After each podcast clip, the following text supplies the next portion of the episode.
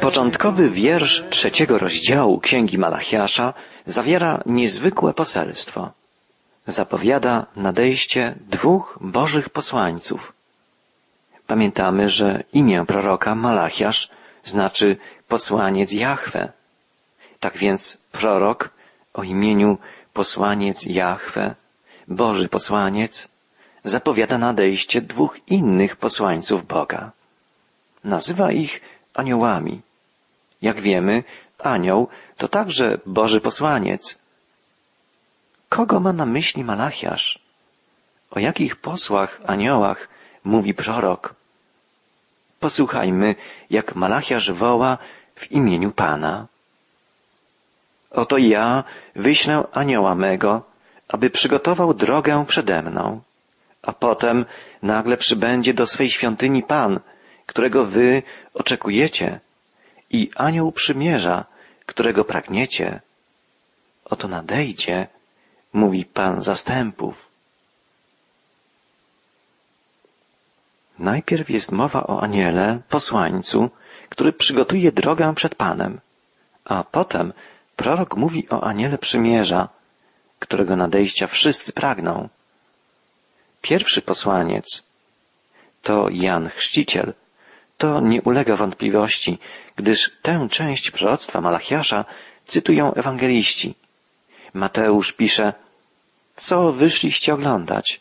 Czy człowieka w miękkie szaty odzianego? Oto ci, którzy miękkie szaty noszą, w domach królewskich mieszkają. Więc po co wyszliście? Ujrzeć proroka? Owszem, powiadam wam nawet więcej niż proroka. To jest ten, o którym napisano, oto ja posyłam posłańca mego przed Tobą, który przygotuje drogę. Mateusz pisze o Janie Chrzcicielu, cytując proroctwo Malachiasza. W Ewangelii Marka na samym początku znajdujemy następujące słowa. Początek Ewangelii o Jezusie Chrystusie, Synu Bożym. Napisano u proroków. Oto posyłam anioła mego przed Tobą, który przygotuje drogę Twoją. Także ewangelista Łukasz cytuje proroctwo Malachiasza. W siódmym rozdziale trzeciej Ewangelii czytamy To jest ten, o którym napisano Oto posyłam posłańca mego przed Tobą, który przygotuje drogę Twoją. Powiadam Wam, nikt z tych, którzy się z niewiast narodzili, nie jest większy od Jana. Nie ma wątpliwości, że pierwszym posłańcem, o którym wołał prorok Malachiasz, był Jan Chrzciciel. Na to wskazali ewangeliści, cytując tę część proroctwa Malachiasza. Do kogo odnoszą się natomiast następne słowa Malachiasza? Do kogo odnosi się druga część jego proroctwa?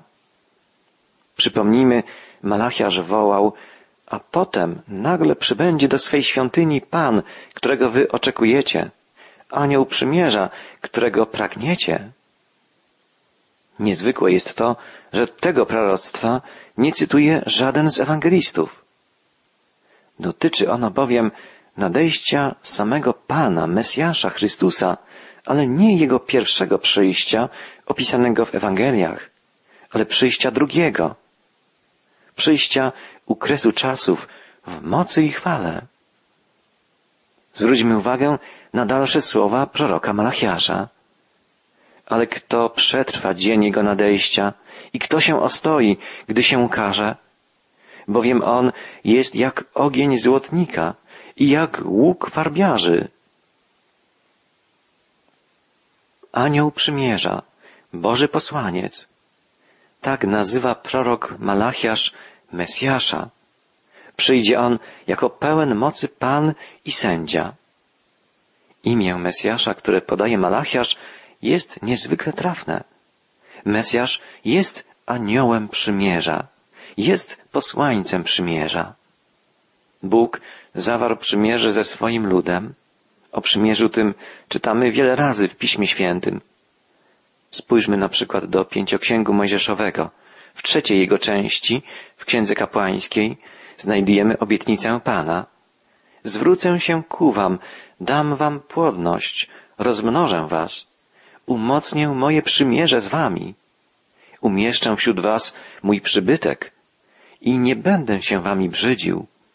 Będę chodził wśród was, będę waszym Bogiem, a wy będziecie moim ludem. Ja jestem Pan, Bóg wasz, który wyprowadził was z ziemi egipskiej. Ja rozbiłem drągi waszego jarzma i dałem wam możność chodzenia z podniesioną głową. Ta wspaniała zapowiedź błogosławieństwa, pokoju i bezpieczeństwa wybiega ku czasom eschatologicznym, mesjańskim. Bóg potwierdza swoje przymierze z ludem izraelskim. Czynił to wiele razy. W końcowej części pięcioksięgu, w księdze powtórzonego prawa, znajdujemy takie Boże wezwanie. Strzeżcie się, byście nie zapomnieli przymierza Pana, Boga waszego, które zawarł z wami, bo Pan, Bóg wasz, jest ogniem trawiącym. Teraz słyszymy głos proroka Malachiasza, ostatniego z proroków czasów Starego Testamentu, który zapowiada nadejście Bożego posłańca, posłańca przymierza. Będzie nim Mesjasz, Chrystus. Malachiasz prorokuje, nagle przybędzie do swej świątyni Pan, którego wy oczekujecie. Posłaniec przymierza, którego pragniecie. Oto nadejdzie, mówi Pan zastępów. Jest to wspaniałe, niezwykle cenne proroctwo. Poprzez usta proroka przemawia Pan zastępów, to znaczy Bóg Ojciec. Zapowiada, że do świątyni jerozolimskiej przybędzie Pan, którego lud oczekuje, posłaniec przymierza, którego przyjścia lud pragnie. Proroctwo to podobne jest do zapowiedzi zawartej w psalmie Dawidowym. Rzekł Pan Panu memu, siądź po prawicy mojej, aż położę nieprzyjaciół Twoich jako podnóżek pod nogi Twoje. Pamiętamy, że sam Jezus odniósł się do tego proroctwa zapisanego w psalmie 110, gdy ludzie wypytywali go o mającego nadejść Mesjasza. W Ewangelii Łukasza czytamy w rozdziale 20, rzekł więc do nich, jak to jest, że mówią, iż Chrystus jest synem Dawida? Sam Dawid bowiem powiada w księdze psalmów, rzekł Pan Panu memu, siądź po prawicy mojej, aż położę nieprzyjaciół Twoich pod nóżkiem stóp Twoich. Dawid nazywa go Panem. Jakże więc jest jego synem? Pan Jezus zadał słuchającym go Izraelitom bardzo trudne pytanie. Nazywacie Mesjasza synem Dawida i to jest prawdą. Dobrze mówicie, iż jest on potomkiem Dawida. Dlaczego jednak Dawid mówi o nim jako o swoim Panu? Dawid wypowiada słowa, rzekł Pan, Bóg, niebiański Ojciec, Panu memu, czyli Mesjaszowi, siądź po prawicy mojej. Czy więc Mesjasz jest synem czy panem Dawida?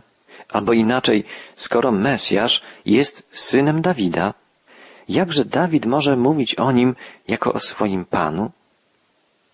Jest tylko jedna odpowiedź. Mesjasz jest kimś więcej niż tylko człowiekiem. Jest kimś ponad czasem. Jest Panem wieczności. Jest Bogiem. To chciał uświadomić Jezus swoim rozmówcom, bo to przecież On jest owym Mesjaszem, Chrystusem. Jezus mógł o sobie powiedzieć, zanim Abraham się narodził, ja jestem. Jezus bowiem jest wczoraj, dzisiaj i na wieki ten sam. Dlatego też Malachiasz, którego imię znaczy Boży posłaniec, ostatni poseł Starego Testamentu, zapowiada, nagle przybędzie do swojej świątyni Pan, którego wy oczekujecie, posłaniec przymierza, którego nadejścia pragniecie. Prorok Malachiasz zapowiada tu nadejście oczekiwanego Mesjasza, który obejmie służbę w mesjańskiej świątyni, świątyni czasów ostatecznych. Nagle pojawi się w świątyni. Świątynię tę, świątynię czasów mesjańskich, opisał najszerzej prorok Ezechiel. W końcowych rozdziałach jego księgi czytamy W widzeniach Bożych przeniósł mnie Pan do ziemi izraelskiej i postawił mnie na bardzo wysokiej górze, a na niej naprzeciwko mnie było coś jakby zbudowane miasto. Przeniósł mnie tam, a oto był tam mąż, który wyglądał tak, jakby był ze spiżu. Miał on w ręku lniany sznur i pręd mierniczy, a stał w bramie. Mąż ten przemówił do mnie, Synu człowieczy, patrz twoimi oczami i słuchaj twoimi uszami. Zwróć uwagę na wszystko, co ci pokażę, gdyż sprowadzono cię tutaj, aby ci to pokazać. Zwiastuj domowi izraelskiemu wszystko, co widzisz. I oto mur otaczał od zewnątrz świątynię dookoła, a mąż ten miał w ręku pręd mierniczy na sześć łokci. Aby zrozumieć znaczenie tej wizji, spójrzmy wstecz w historię Izraela i pomyślmy o roli, jaką świątynia zawsze odgrywała w dziejach narodu wybranego. Za panowania króla Dawida Jerozolima stała się polityczną i religijną stolicą Izraela. Dawid zapragnął zbudować świątynię Panu. Świątynię, która stałaby się miejscem pielgrzymek i zgromadzeń całego Izraela. Do czasów Dawida nie było w Izraelu świątyni jako trwałej budowli. Najpierw powstawały świątynie naturalne, gdzie modlono się i składano ofiary. Później powstawały świątynie historyczne na grobach patriarchów czy innych wielkich postaci. Natomiast po zawarciu przymierza na Synaju i wejściu do Kanaanu powstawały świątynie dwojakiego rodzaju. Jedne miały charakter lokalny, drugie były miejscem zgromadzeń całego narodu. Jako pierwsze z nich można wymienić Gilgal, gdzie zatrzymała się Arka Pańska po przekroczeniu Jordanu. Kolejnym miejscem świętym, gdzie przebywała Arka, było Sychem. Z Sychem przeniesiono Arkę do Betel, gdzie przed Panem zgromadził się cały Izrael. A Betel to znaczy Dom Boży. Ostatnim miejscem, w którym znajdowała się Arka Przymierza, było Shilo. Po klęsce pod Afek, zabrana na krótko przez Filistynów, Arka została przeniesiona do Kirjat Jearim, do domu Abinadaba, ojca Eleazara. Arka przebywała tam do czasów Dawida. Musimy podkreślić, że we wszystkich tych miejscach najważniejsze znaczenie miała Arka Przymierza. Oznaczała ona bowiem obecność Pana pośród swego ludu.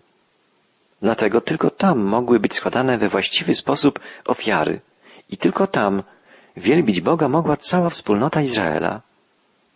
Król Dawid przeniósł Arkę Przymierza z Kirjat Jearim do Jerozolimy i w ten sposób miasto Dawida stało się symbolem przymierza narodu z Bogiem.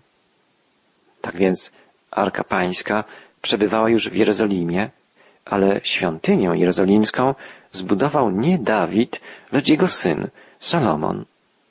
Dawid poczynił jednak bezpośrednie przygotowania do budowy świątyni. Ze źródeł biblijnych i pozabiblijnych wiemy, że najpierw Dawid postarał się o wykwalifikowanych rzemieślników. Wspólnie z nimi wykonał plany dotyczące budowy i wyposażenia świątyni. Król Dawid zgromadził także dużo materiałów budowlanych. Dużo kamienia, żelaza, spiżu, drewna cedrowego, cyprysowego oraz złota i srebra na sprzęty świątynne. Czytamy o tym wiele w biblijnych księgach kronik, a także w dziełach wybitnego historyka żydowskiego Józefa Flawiusza. Świątynię jerozolimską wybudował syn Dawida Salomon. Fundamenty pod świątynię położono w 40 roku jego panowania, czyli w 969 roku przed Chrystusem. Budowę ukończono siedem lat później. Świątynia Salomona była budowlą prostokątną, wzniesioną na terenie według osi wschód-zachód. Składała się z portyku, inaczej przedsionka i z dwóch sal. Pierwszą Izraelici nazywali Hekal, a drugą Debir. Hekal to miejsce święte. Było to pomieszczenie prostokątne o długości około 20 metrów, szerokości 10 metrów i wysokości 15 metrów. Było całkowicie pokryte drzewem cedrowym z płaskorzeźbami cherubów, palm i kwiatów. Debiel natomiast oznacza miejsce święte świętych. Było to pomieszczenie o kształcie sześcianu, którego bok miał dziesięć metrów. Właśnie tu złożono Arkę Przymierza, jako symbol rzeczywistej obecności Pana wśród swego ludu. Trzeba też wspomnieć, że na dziedzińcu znajdował się duży ołtarz z brązu, długości dziesięciu metrów, szerokości dziesięciu metrów i wysokości pięciu metrów. Taka była świątynia Salomona, pierwsza świątynia jerozolimska. Była ona religijnym i politycznym centrum dla narodu wybranego. Miała gromadzić i jednoczyć wszystkich Izraelitów, choć wiemy, że tak nie było z powodu podziału Izraela na dwa królestwa, z powodu rozbicia narodu na plemiona północne i południowe. Najbardziej jednak istotne jest to, że Jerozolimę na miejsce budowy świątyni wybrał sam Bóg. Czytamy w biblijnej historii zbawienia o tym, jak zapadła ta decyzja. Od początku Bóg wybierał miejsca, na których modlono się do Niego. Tak było w przypadku Sychem, gdzie Bóg objawił się Abrahamowi, jak czytamy w dwunastym rozdziale Księgi Rodzaju. Abraham zbudował tam ołtarz dla Pana, który mu się ukazał. Tak było też w przypadku Betel, gdzie zasnął patriarcha Jakub. We śnie ujrzał drabinę opartą na ziemi, sięgającą swym wierzchołkiem nieba oraz aniołów bożych, którzy wchodzili w górę i schodzili w dół. A oto Pan stał na jej szczycie i mówił, ja jestem Pan, Bóg Abrahama i Bóg Izaaka. Ziemię, na której Jakubie leżysz, oddaję Tobie i Twemu potomstwu. A gdy Jakub zbudził się ze snu, pomyślał, prawdziwie Pan jest na tym miejscu. I dał temu miejscu nazwę Betel, to znaczy dom Boży. Zawsze Bóg dokonywał wyboru. Nie tylko ludzi, którym powierzał szczególne zadania, ale i miejsc, które miały szczególne znaczenie dla wypełniania ich misji. Tak było też z wyborem miejsca pod budowę świątyni jerozolimskiej. Bóg objawił się, zamanifestował swą obecność na polu Arauny Jebuzyty i właśnie to miejsce wybrał Dawid na przyszłą budowę świątyni Pana. Tam zamieszkało imię Pana Boga, czytamy w księgach mojżeszowych. Król Salomon w czasie poświęcenia świątyni przypomniał słowa Pana Boga. Wybrałem sobie Jerozolimę, aby tam było moje imię i obrałem Dawida, aby był nad moim ludem, Izraelem. A zatem bez wątpienia świątynia w Jerozolimie była miejscem wybranym przez Boga. Ze względu na to wybranie Pan zechciał zamieszkać w świątyni, aby być obecnym wśród swego ludu. W ten sposób świątynia stała się widzialnym znakiem wybrania Bożego, znakiem Bożej obecności. Od początku Izraelitom towarzyszyło przekonanie, że chociaż Pan mieszka w niebie, przebywa jednak na niektórych miejscach, uświęcając je swoją obecnością.